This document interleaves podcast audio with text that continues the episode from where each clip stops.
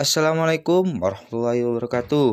Berjumpa lagi dengan saya di sini Muhammad Yogi Pratama, mahasiswa Politeknik Pembangunan Pertanian Malang dari kelas Penyuluh Peternakan Kesejahteraan, Kesejahteraan Hewan 4A.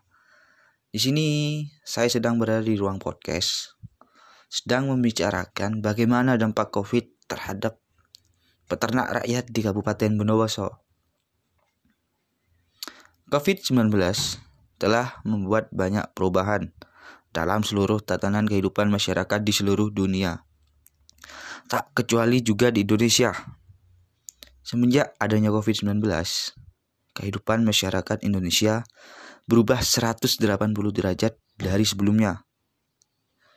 Perubahan ini dirasakan oleh seluruh lapisan masyarakat tanpa terkecuali Perubahan ini juga dirasakan oleh para peternak rakyat.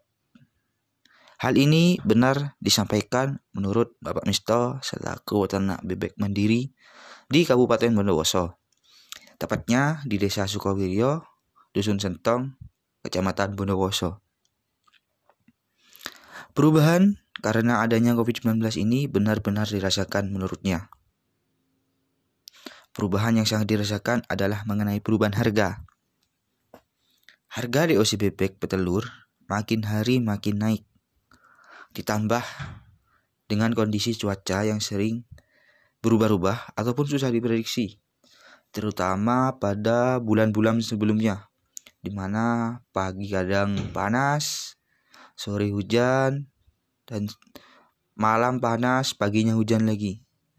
Ini membuat DOC bebek rentan terserang penyakit yang menyebabkan kematian pada bebek saat usia masih dini yang tak hayal dari peternak sering mengalami kerugian di awal. Selain itu, setelah bebek berproduksi, pasar teluk bebek tidak seramai sebelum Covid. Daya beli dari masyarakat mulai menurun sehingga Bapak Misto menutupi biaya pakan yang dikeluarkan terpaksa dengan menjual telur ke pengepul ataupun tengkulak. Dengan harga di bawah pasar itu pun tidak bisa menjualnya setiap hari. Karena apa? Karena jarak rumah dari Bapak Misto dengan pengepul tersebut lumayan jauh Bapak Misto untuk menyiasati ongkos kirim, Bapak Misto biasanya mengumpulkan telur. Entah tiga hari sekali atau empat hari sekali baru beliau melakukan perjalanan untuk menjual telur kepada pengepul telur yang berada di Kecamatan Wodosari. Ya kurang lebih jaraknya sekitar 10 sampai 15 km dari rumah Bapak Misto. Selain itu, permintaan telur yang sedikit mengurang. Permintaan daging pada bebek yang sudah memasuki usia fakir sangatlah menurun. Sebelum adanya wabah Covid, Bapak Misto bisa mendapatkan pesanan daging bebek afkir satu bulan 7 sampai 10 ekor. Namun kondisi sekarang pesanan hanya sekitar 3 sampai 5 ekor, bahkan ber, berkurang sangat berkurang drastis. Terkadang-kadang sampai tidak ada pesanan sama sekali dalam satu bulan. Dengan harga daging bebek per ekor 45.000 justru hal ini membawa dampak negatif terhadap terhadap perekonomian Bapak Misto. Karena selain harapan dari petelur yang dihasilkan oleh bebek petelur, Bapak Misto juga mengharapkan besar keuntungan dari daging bebek yang sudah memasuki usia akhir. Selain itu, harga pakan yang makin lama makin naik.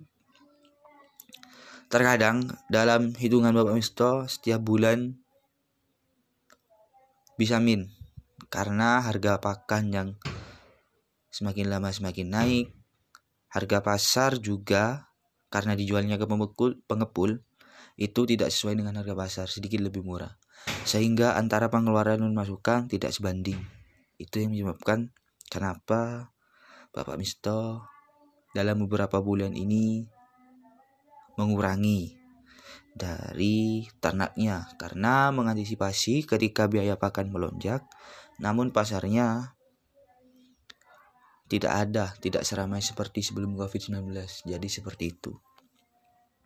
Harapan Bapak Misto dengan adanya vaksinasi COVID-19 ini segera usai dan kehidupan kembali normal seperti sebelum adanya COVID.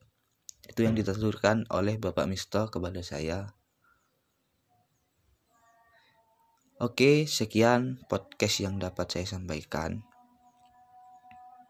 Kurang lebihnya mohon maaf. Wabillahi taufik wal hidayah. Warido, warido walinaya. Wassalamualaikum warahmatullahi wabarakatuh. Sehat selalu dan sukses selalu bagi para pendengar podcast kali ini. Sekian, terima kasih.